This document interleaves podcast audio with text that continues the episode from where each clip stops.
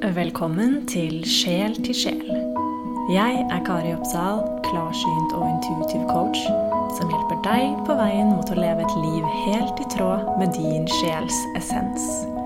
Fordi når du er deg selv fullt og helt, gjør du nemlig verden til et bedre sted på din unike måte. Her finner du inspirasjon til å lytte enda litt mer til din vise Kjære lytter.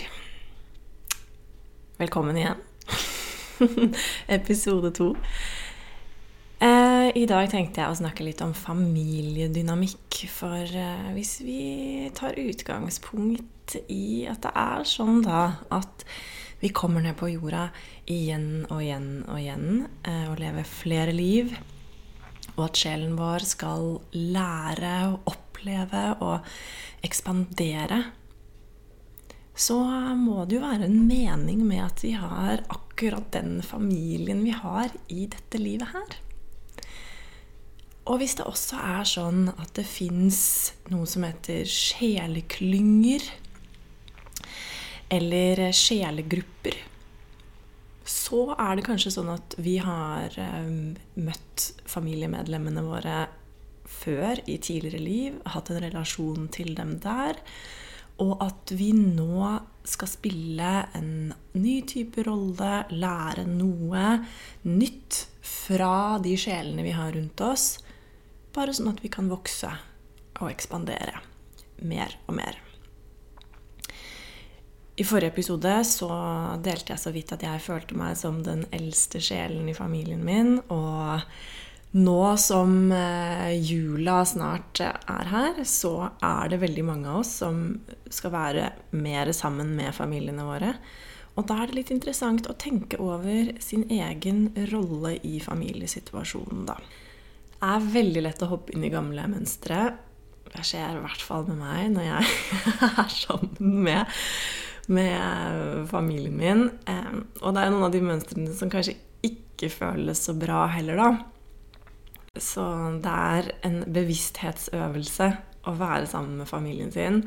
Jeg føler meg som sagt som den eldste sjelen, i hvert fall i min nærmeste familie. Og jeg hadde akkurat en samtale med moren min om det her. Fordi jeg har et minne om eh, tidspunktet jeg døde på i mitt forrige liv. Jeg var en mann på Vestlandet av Norge.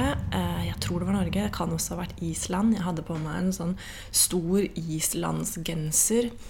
En sånn ullgenser. Masse regnklær. Store støvler.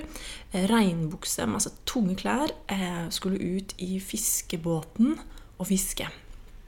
Og det var mørkt og um, ja, litt sånn eh, Jeg skjønner egentlig ikke helt hvorfor jeg skulle ut og fiske akkurat da, men eh, ja, ut dro jeg i hvert fall. Og på en eller annen måte så eh, klarte jeg å falle over bord i denne lille trebåten.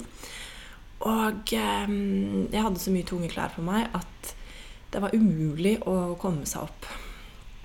Så jeg lå og kavet, sank nedover pga. alle disse klærne. Og eh, på et eller annet tidspunkt så um, må jeg bare ha druknet. Og så husker jeg at sjelen min um, forlot kroppen, fløy oppover i uh, Oppover, oppover, oppover. Da, og så så jeg familien min i det livet sitte rundt middagsbordet, så kjente jeg på en sånn enorm tristhet for at jeg ikke kom til å komme tilbake til dem. Og jeg kan fortsatt bli rørt av å um, bare snakke om denne situasjonen eh, nå. Som du kan høre på stemmen min. I hvert fall den familien jeg så som satt rundt bordet.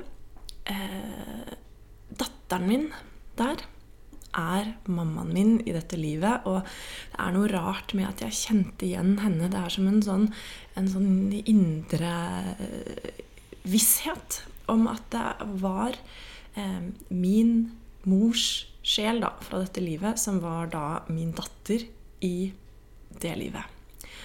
Jeg visste at jeg aldri kom til å komme tilbake. Jeg kom ikke til å være far lenger. Og eh, det var utrolig trist. Jeg har ikke skjønt hvorfor jeg har husket akkurat det her, inntil jeg så på den uh, serien på Netflix som heter 'Surviving Death'. Der er det veldig mange som har hatt uh, nær døden-opplevelser. Og veldig mange beskriver også at de husker dødsøyeblikket. Og at de husker at de, sjelen liksom flyter oppover. Og da ga alt mening for meg, da. Ja. Jeg hadde en samtale med mamma om det her for uh, et par uker siden. Og da sa hun også ja, Kar, jeg føler vel egentlig at du er en eldre sjel enn meg. Og jeg var sånn ja, jeg føler faktisk at jeg er litt eldre enn deg. Jeg har jo masse jeg skal lære av mamma eh, ved å være datteren til mamma i dette livet her. Og omvendt. Jeg lærer henne masse som datteren hennes. Og sånn var det jo i det forrige livet vårt også, hvor eh, jeg var far, og hun var datter. Så rollene er på en måte snudd. Snudd eh, litt eh, opp og ned, og eh, vi lærer forskjellige ting. Så én ting er da hva slags rolle vi spiller for hverandre på et større plan, i et, i et større perspektiv. Sånn hvis vi zoomer ut i fugleperspektiv på alle livene vi eh, har levd og skal leve med sjeleklyngen vår, da. En annen ting er jo den rollen vi har i familien i dette livet. Hvilken energetisk rolle spiller du i familiedynamikken i dette livet her? Som datter, som mor, som sønn, som kusine. Hvilken rolle spiller du? Og har du grounded i rollen din? Det er spørsmålet til deg og utfordringen til deg som jeg skal gå litt eh, dypere inn i nå. Veldig ofte så eh, går vi inn i sånne underbevisste roller der vi f.eks. prøver å fikse familiemedlemmene våre. Der vi kanskje setter oss selv litt over familiemedlemmene våre veldig vanlig eh, for barn i familien, som altså unge voksne, eller den yngste generasjonen, å um, føle at man rett og slett er litt bedre enn foreldrene sine. Er det noen i familien din du føler deg under? Er det noen i familien din du dømmer? Kan du gå inn i juletiden med en full respekt for familiemedlemmene dine. En full respekt for at de er på sin reise. De lever sitt liv i dette livet her. De kan være en eldre sjel enn deg, de kan være en yngre sjel enn deg kan du respektere dem og også vite at du står på dine foreldres skuldre i dette livet her. Du er ment til å tenke videre. Du er ment til å se eh, større perspektiver, tenke annerledes. Men kan du allikevel respektere at de kom før deg? De kom før deg på planeten. For mange så kan dette her kanskje virke sånn Ja, ja, men det vet jeg jo. Men kjenn etter. Ordentlig, ordentlig, ordentlig. Hva er det du egentlig tenker dypt inni deg om, om eh, foreldrene dine, om søsknene dine? Og så check in with yourself, darling. Og ikke minst, aksepter og fall på plass i den rollen du har fått i familien din i dette livet her. Da jeg skjønte at jeg bare kunne være lillesøster Jeg har jo en eldre bror, skilte foreldre, eh, men jeg er minst. Yngst. Åh, da jeg bare fant ut at jeg kunne hvile i å være lillesøster, det var så deilig. Jeg tror jeg har hatt en sånn underbevisst greie om at jeg skulle fikse eller være bedre enn eller, eller et eller annet sånt noe. Ah, men det er jo det, ikke det som er poenget i det hele tatt. Jeg spurte guidene mine um, for noen år siden hva er poenget med familien min? Hva er det jeg skal lære? Og beskjeden var å hvile. Så mitt mission i livet er virkelig å lære å være meg selv fullt og helt. Hvile i meg selv. Og familien er jo også en fantastisk arena å lære å hvile i seg selv, stå i seg selv, vise hvem man er. Tørre å ta energetisk avstand, men allikevel hvile i den plassen man er tildelt i dette livet her, da. Så hva mener jeg med energetisk avstand? Jo, veldig mange jeg jobber med og snakker med, står ofte overfor litt sånn radikale livsvalg.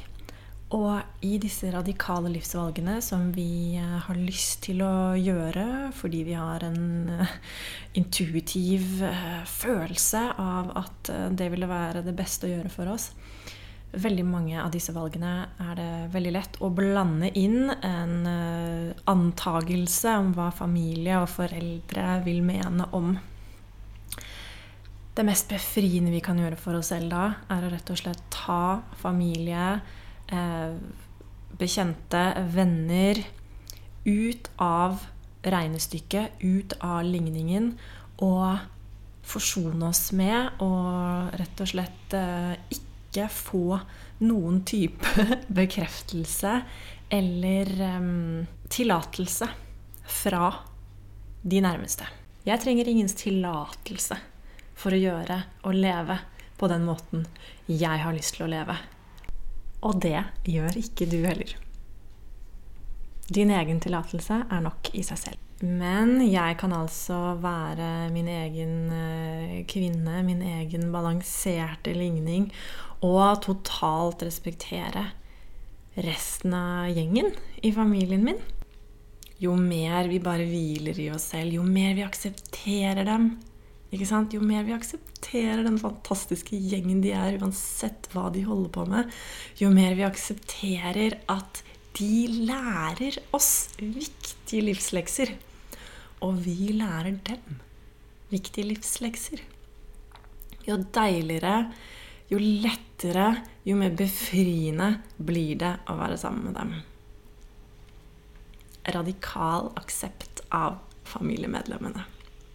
Da går det an å kose seg, da. Så min utfordring til deg er å se på sjelen i familien din med den største respekt. Respektere deg selv like mye. Lande og grunne deg i din plass i familien. Respektere at foreldrene dine kom før deg respektere en eventuelt søskenrolle. Hvile i den, kose deg med den, uten å falle inn i gamle Hva skal vi kalle dem, da? Barnslige mønstre som det er lett å falle inn i. Men gjøre dette her på en bevisst måte. Være i familiekonstellasjonen. Og med dette som en inngangsport i julen, så skal du se at det plutselig føles enda deiligere, enda lettere og enda koseligere å henge med familiegjengen. Og du, hvis du kjenner nå at du blir fryktelig nysgjerrig på hva slags relasjon du har hatt til familiemedlemmene dine i tidligere liv, og hvordan alt henger sammen i din familiedynamikk, så er det sånne ting som eh, vi kan gå gjennom i en reading. Skriv til meg, eller book en uh, purpose reading på hjemmesiden min. Og så kan vi gå inn i familiedynamikk og familieroller og din sjels reise med familien din. Og du, hvis du likte denne episoden, del den gjerne med en venn. Eller på Instagram. Og i så fall, tagg meg, så vi kan connecte sjel til sjel.